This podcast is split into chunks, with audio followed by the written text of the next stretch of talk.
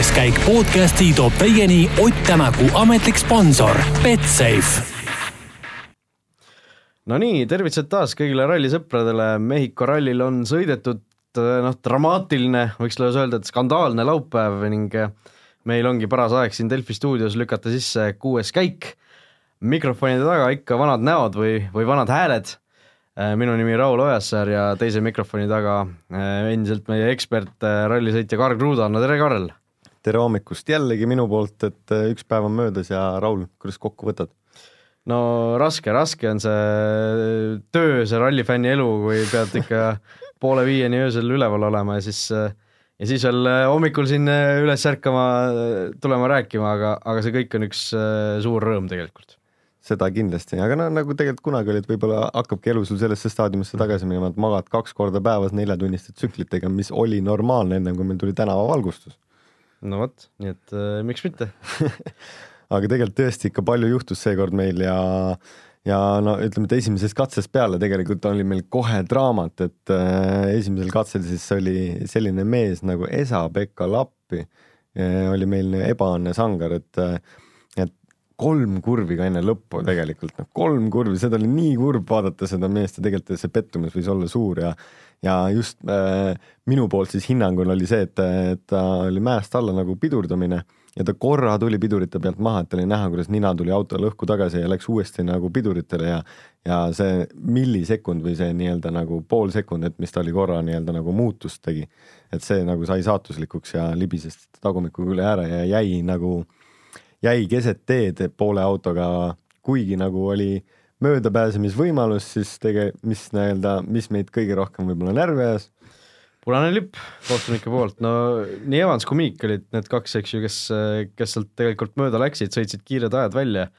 Ja seejärel siis äh, korraldajad tegid siis selle äh, skandaalse otsuse, mille üle siin pool päeva igast vandenõuteooriaid äh, jahvatati, et tõesti pandi see katse selles suhtes seisma, olidki Ožee ja Latvala vist kaks meest, kes, kes siis selle punase lipu tingimustes lõpuni tulid ja, ja noh, muidu ei oleks ilmselt sellel, sellele väga isegi tähelepanu pööratud, aga, aga see, et Ožeel oli samal ajal täpselt rehv katki läinud, tekitas sellest olukorrast sellise päris, päris mõnusa siukse noh, skandaali, ütleme nii. tõesti, et tõesti oli selline eba, nii-öelda nagu Ogieri mõistes oli ikka superjuhus. talle esimene rehv kivi, nagu mingi kivi oli joones, tal läks esimene rehv puruks ja see oli täiesti nii-öelda ebaaru, nii-öelda no arusaamatu ka, kus kohas täpselt, et kas enne splitti või pärast splitti, aga oli näha, et hakkas nagu kaotama ja spekulatsioon tegelikult seisneski selles, et kuna tema, nad olid Lappiga ühes meeskonnas, ühtepidi see on nagu, ma, see oleks okei okay,, aga siis, kui näha oli, et Ogier hakkas kaotama, siis nagu järsku peatati katse, et kõigil oli nagu mis mõttes, et kõik said mööda. Ja nüüd siis, et see lihtsalt nägi nii vale välja. Et noh, ma olen ka siin, inimesed küsisid mu käest seda ja siis ma ütlesin nagu tegelikult jõuad ka selleni, et, et neid taktikaid võiks ju kasutada, et nagu selles mõttes, et kui sa pead kuidagi nagu võitma, aga eks see läheb nagu ebasportliku käitumise alla ja seda hetkel just Sebastian Ogierist arvatakse ka, et kui ta katse lõppu tuli, siis tal väike sihuke muhelus oli ka näol, mis on nii-öelda nagu vale. aga siis võib-olla teile lahti seletamaks, punane lipp siis tegelikult tähendab seda, et autodel on sõitjas, sõitjatel on autos GPS seade ja neil on ka okei nupp, et ja SOS nupp, et kui juhtub midagi väga õnnetut, et siis sa saad vajutada SOS, katse peatatakse ja kiiresti tulevad kõik nagu katsele kiirabid ja asjad, et nagu päästma sõitjaid või siis pealtvaatajaid ja sellise, sellel juhul muidugi Esa-Pekka Lappi vajutas okeid, et kõik oli okei okay,, aga seal noh, minu poolt spekuleerides või kuidas seda sai nagu tõendada, oli see, et eh, võib-olla hakkasid inimesed katse peale tulema, et äkki nad tahtsid veel seda autot kuidagi nagu sealt välja tõsta ja et nagu nad peitsid selle ära pealtvaatajate nii-öelda turvalisuse taha. aga tegelikult ei olnud mitte midagi mure ja kogu maailm praegu süüdistab FIA-d, mis on siis prantslased mm, -hmm. Citrooni prantslased, et nagu, et kuulge mehed, mida te nüüd korraldate, et alguses, ralli alguses oli ka, et Ogier ütles, et Eesti maffia siin kastab teid, siis kuule me ikka siin ainult sõdime Prantsuse maffiaga no.. see oli puhas Prantsuse maffia kui asi hakkab hapuks minema, ah, paneme cancel.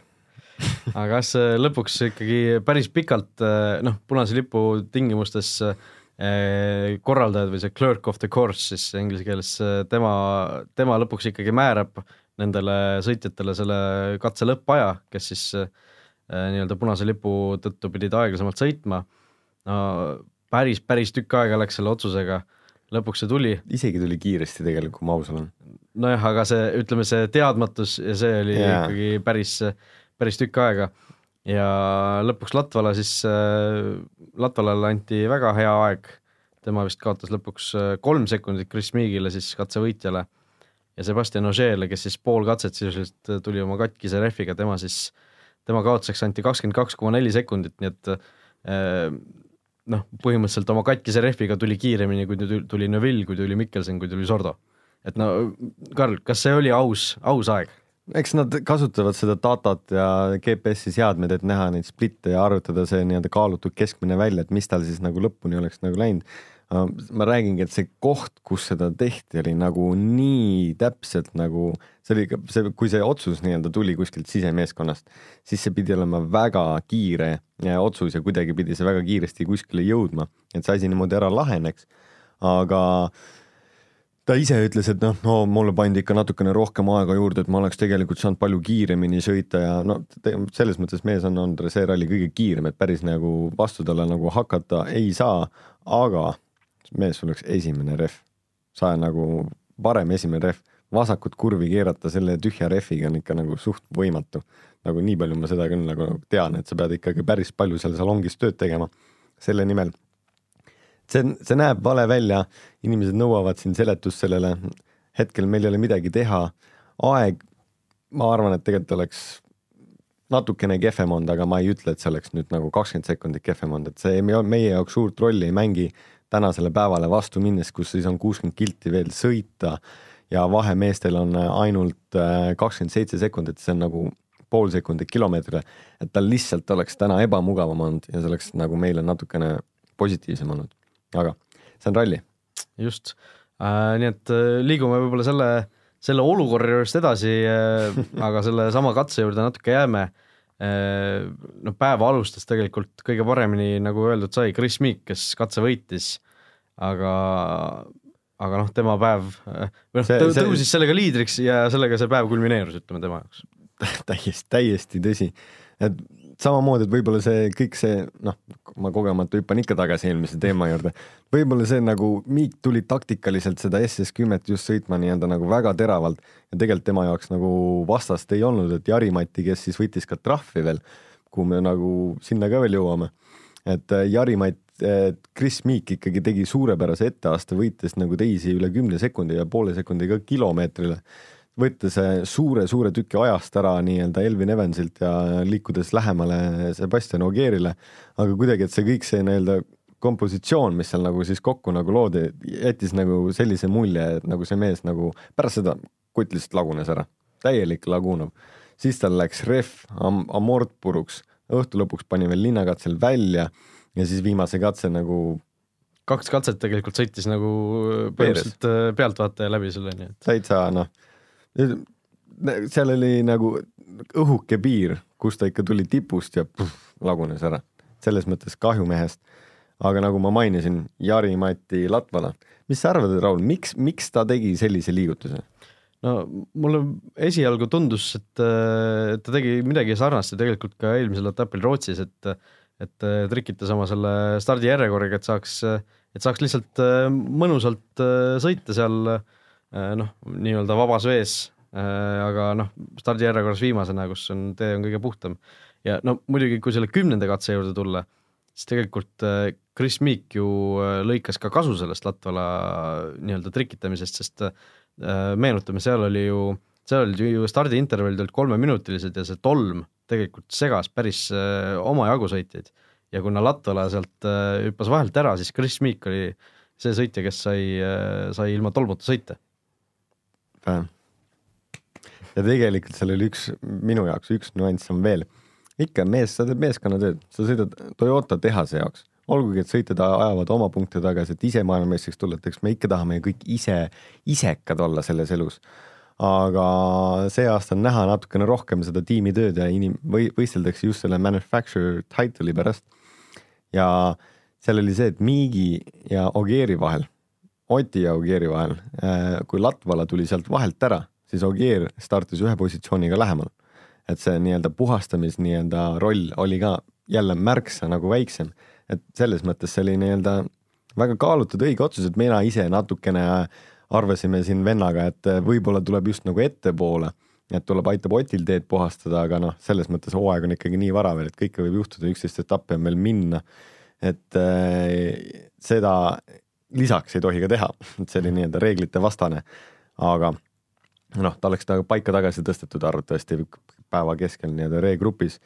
aga no selles mõttes äh, ta andis, ta lõi Miigile kõik need eeldused, et Miik saaks rünnata seda Ogieri ja tegelikult ta tegi seda väga õigesti, väga hästi. kahjuks äh, kõik mängisid, mingid taktikad olid igal pool mängus, selles mõttes oli päris põnev. Jah, et kui Miigil ei oleks ju neid probleeme juhtunud, siis võib-olla oleks siiamaani liider ja,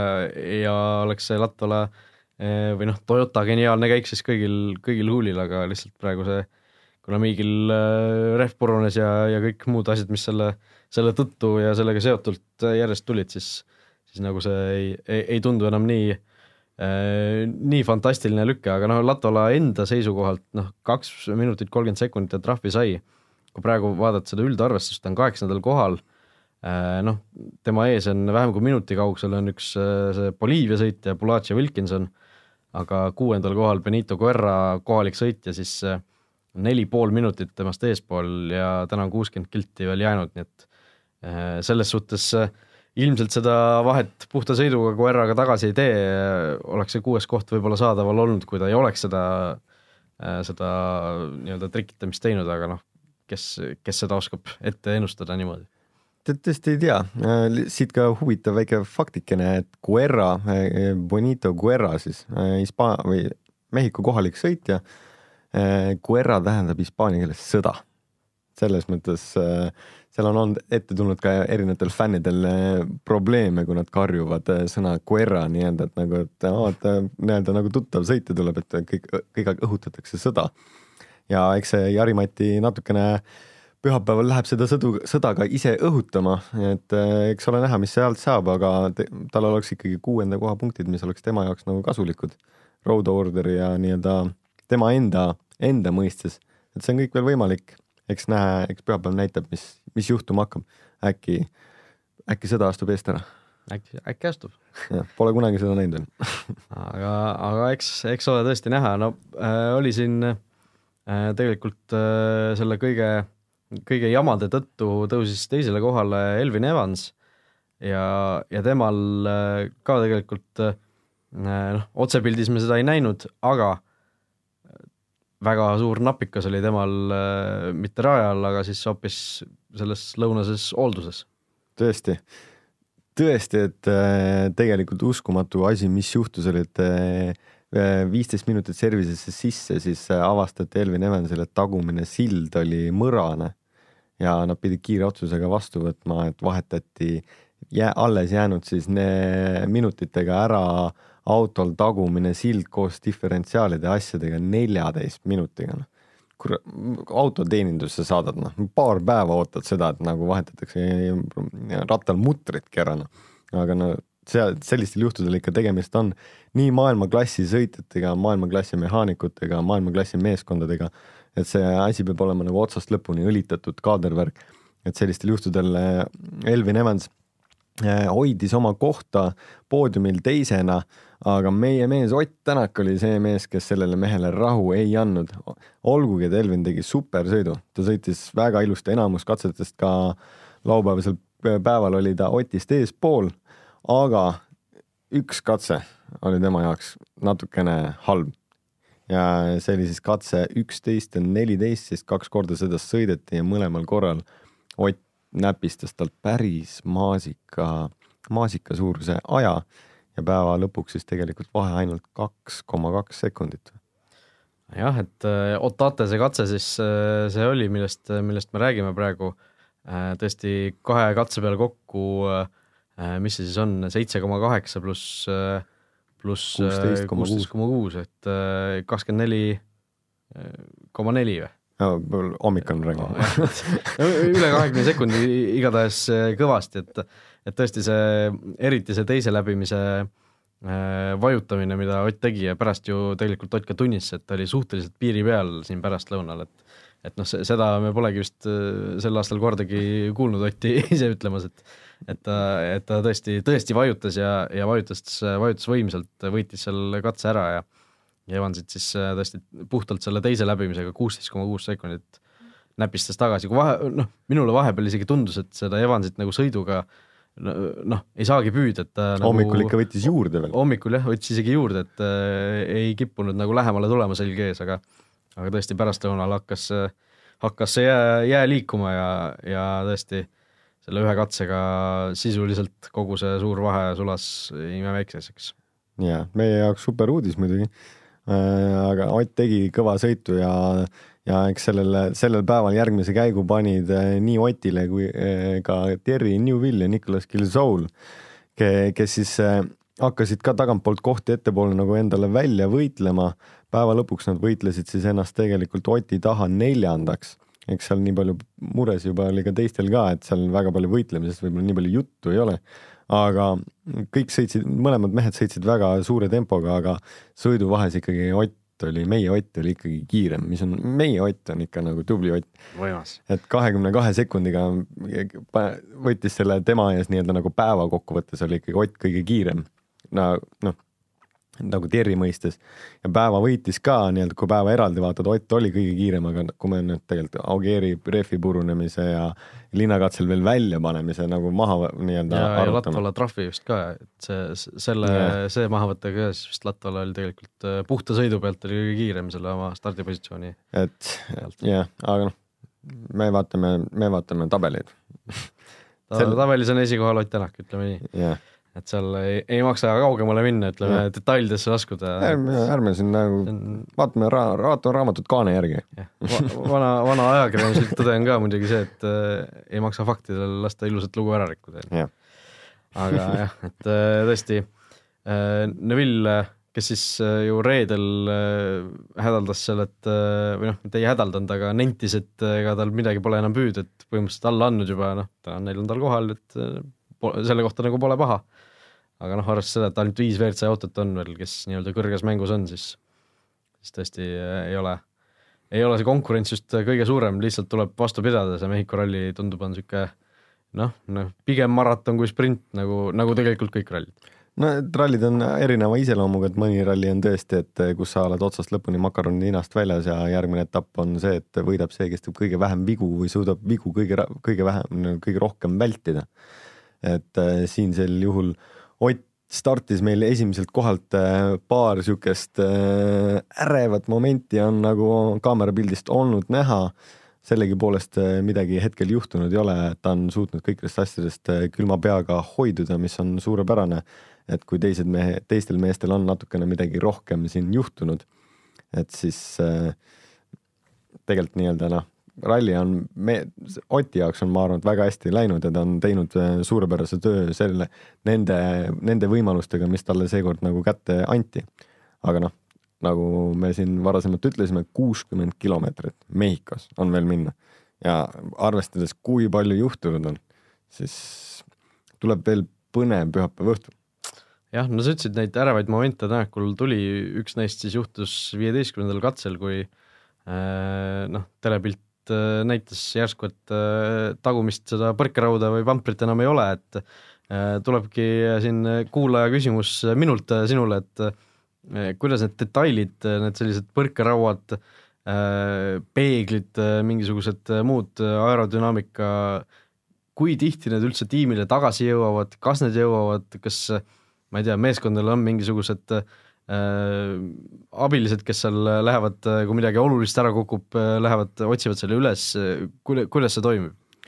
täiesti tegelikult inimese südametunnistuse peale, aga hetkel Mehhikot rääkides, siis tegemist on Mehhikoga. tegemist on Mehhikoga, seal on nagu, seal iga päev nii-öelda võetakse juba lapsi pantvangi, et arvatavasti nii-öelda on ka juhtunud, mis ei ole nagu väga ilus nendest, aga ma ei peatuks selle peale pikemalt. Sellegipoolest on tulnud ette juhused, kus äh, inimesed ikkagi toovad heast südamest tagasi need pamprid ja asjad, et need on nagu kallid, aga kui minu arvamust nagu kuulata, et sellisel juhul, sellisel hetkel selline avastus saada ja katse pealt endale nii-öelda nagu Toyota WRC tagumine pamper saada, siis ma ikka paneks selle maga-, nii-öelda nagu elu, elutuppa CD-plaadi riiuliks, noh. Kaks, kaks CD-plaadi riiulit ja saab isegi ühe vasakult ja ühelt, ühe paremalt. no sinna võib-olla isegi mahu, mahuvad vinüülplaadid juba sisse aga ei, tegelikult, tegelikult äh, hästi palju ikka jõuab tegelikult service'isse tagasi ja ja sellepärast äh, inimesed on tublid ja ralli, ralli vaatajad on ikkagi nii-öelda nagu sõitjate ja meeskondade fännid, et äh, ilma nendeta, ilma ühe või teiseta seda asja ei toimuks. et mõlemad toetavad üksteist ja tegelikult see nii olema peaks ka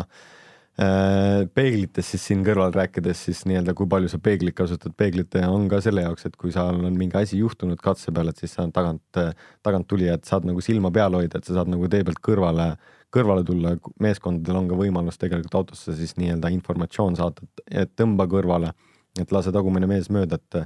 et ei tahaks olla ka nagu ebasportlik nendes tingimustes, aga noh, ülesõidul sul on kindlasti neid nagu vaja, et nagu liikluses navigeerida sellegipoolest ralliauto rallinumbritega, ralli kleepsudega ja sponsorkleepsudega, kõik, mis on noh, visuaalis nagu väga hästi pildis, nii telekas ja nagu linnade vahel, kus siis nagu ralliautod läbivad, siis äh, väga palju peegleid ei pea kasutama. sest äh, sa oled ralliautos,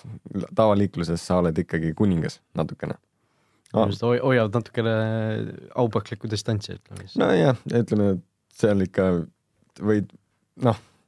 kui sul on ikka vaja midagi teha, siis ikka inimesed ikkagi, politseid pigem lehvitavad ja teevad sulle eskorti ja sellised, see on nagu teistsugune loomus, aga noh, see on kaks päeva, kolm päeva ühest nädalavahetusest ja üks kord aastas, et, et see nüüd nagu iga päev ka ei ole. Äh, no veel minnes asjade juurde, mis siin laupäeval juhtus, siis üks kõige kurioossemaid või koomilisemaid asju oli siin äh, selle pärastlõunase tiiru esimese katse ajal, kui Andres Mikkelsen esimesena sõitis ja üks hetk lihtsalt pidi seisma jääma, sest katse peal noh, raja peal oli värav, mingisugune suur metallist värav oli kinni, noh, kas pandud, läinud,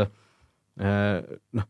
minul tekkis kohe küsimus, et kuidas selline asi juhtuda saab seal ju enne ralliautosid sõidavad ju mingisugused nullautod, mingisugused turvaautod, ma ei teagi, kuidas neid täpselt nimetatakse, ka läbi, et eh, noh, ega nemad sellest äh, turboboost'i ei vajutanud, sellest üle ei hüpanud, et äh, jah, et, et kuidas, kuidas niisugune asi võimalik on üldse?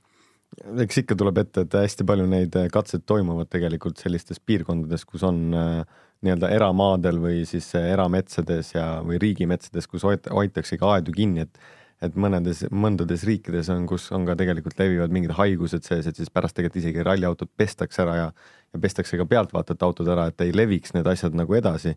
et see, see mikrokeskkond on ikka tegelikult nagu väga habras meie ümber, mis maailmas me nagu elame ja hea meel on tegelikult näha, et ka ralli, ralli inimesed tegelikult seda proovivad nagu hoida sellisel juhul äh, mm, tekkis ka nagu põnev nali tegelikult, mis internetis liikus, et kui Mikkelsen siis seda katset avas ja selle värava pidi sealt keset katset nii-öelda avama või siis Andres tema Karluga seda käis avamas, et siis äh, vahepeal liikus, et ei tea, kas Boris Georgievitš pidi ka pärast oma läbimist selle värava oma selja taga ka kinni panema. et oleks ju aus seda nii-öelda siis respekteerida. Aga see on, ma arvan, et lihtsalt viimane lahkuja kustutab tule. jah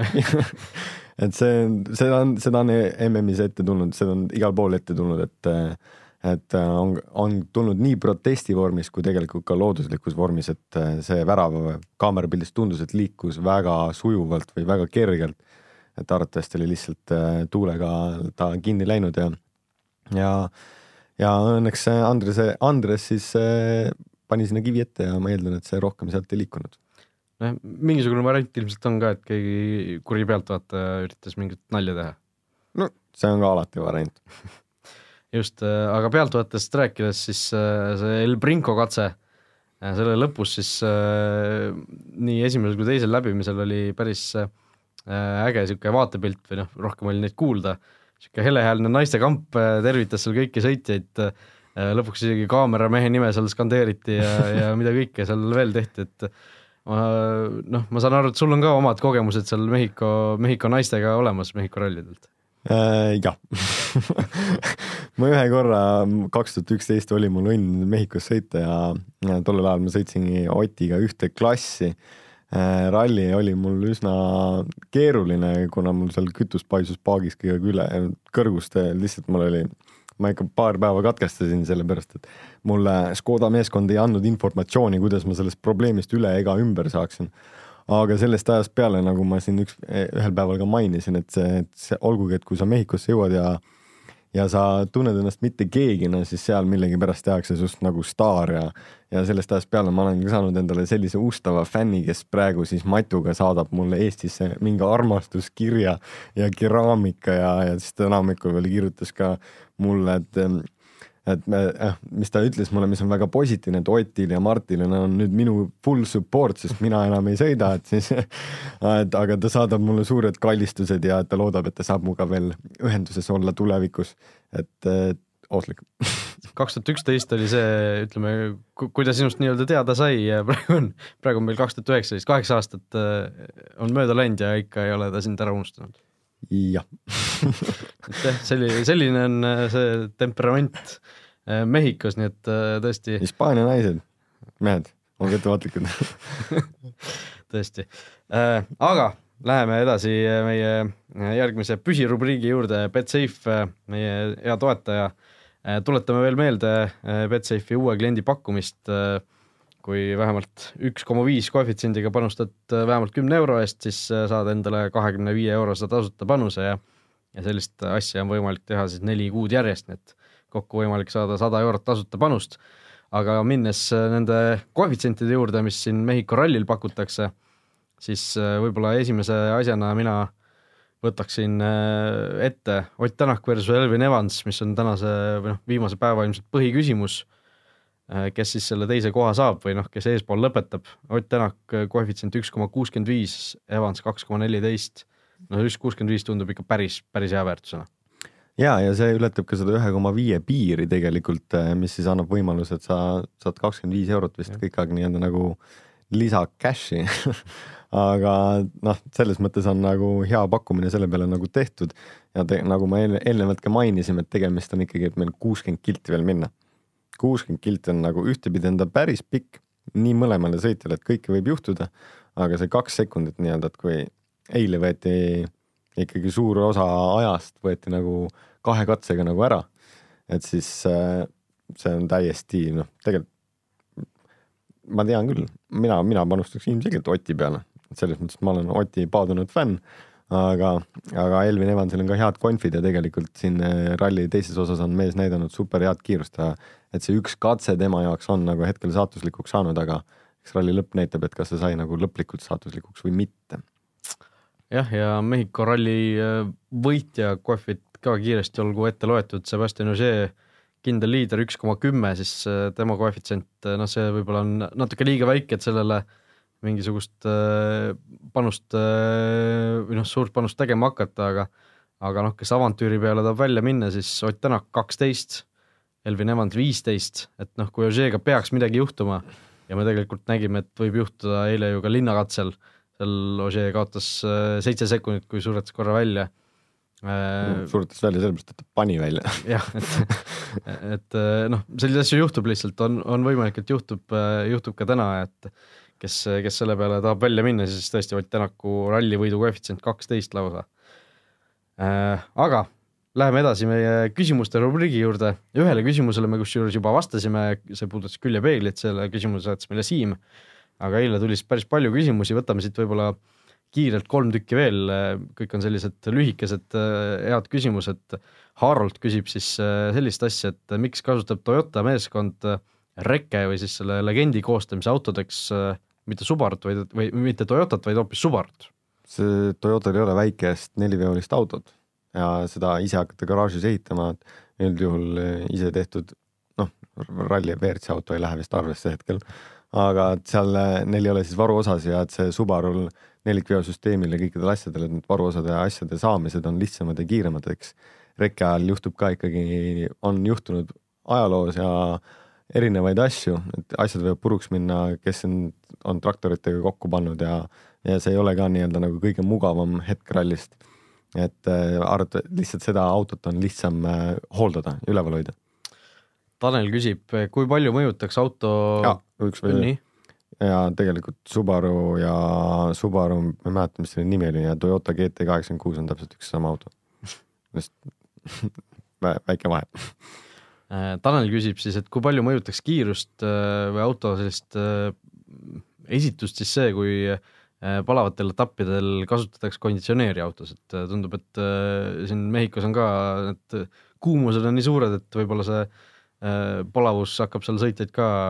mingi hetk noh, juba, juba selle pealt nagu aega kaotama, et sõitjatel on nii palav lihtsalt. Selle peale see õhuvool sinna autosse on suudetud ka nii-öelda arvutite asjadega lõpuks nagu päris heaks teha, et eest sisse ja tagant välja, et see õhuvahetus oleks nagu pidev ja et ei hakkaks pea valutama ja sellised inim-, et inimestel ei, ei hakkaks tervisele. ja, ja aga selle jaoks, et panna see äh, AC, siis see võtab ära ikkagi mõned kilovatid ja hobujõud, et et seda eh, nagu ei tehta ja kui sa nii, siin sellel rallil on ka nagu näha olnud, et miks tegelikult ma olen natuke nagu targemaks saanud nüüd, et kust need elektroonilised probleemid tulid ja tegelikult, mis oli ka eelmine aasta Toyotal vist, isegi Jari-Mati ütles, et täpselt sama probleem, et natukenegi võita seal hobujõude ja selles kuumades tingimustes asjades, siis äh, lülitatakse generaator välja isegi nii-öelda, et aku, et, et katset sõidetakse ainult aku pealt, et kui aku hakkab langema läbi, alla nii-öelda nagu ohtliku koha, et siis tuleb kenekas jälle tagasi ja hakkab siis nii-öelda jälle akut nagu üles laadima. aga et isegi nagu generaatorid lükatakse nagu katse ajaks tagant ära, et natukene jälle võita juurde. et, et sellepärast nagu kõik asjad, mis ei ole vaja, neid ei ole vaja, et sellepärast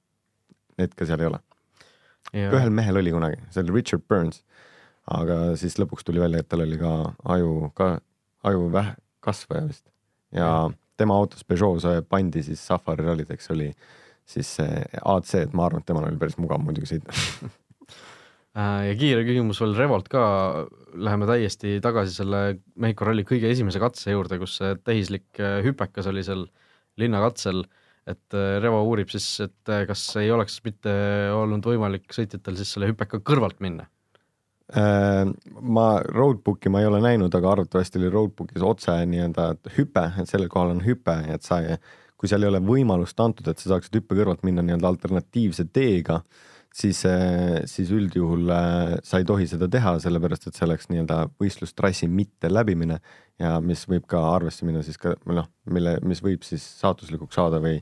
et see on diskvalifitseerimine. et sa pead võistlusrada läbima nii, nagu on äh, sul raamatus kirjas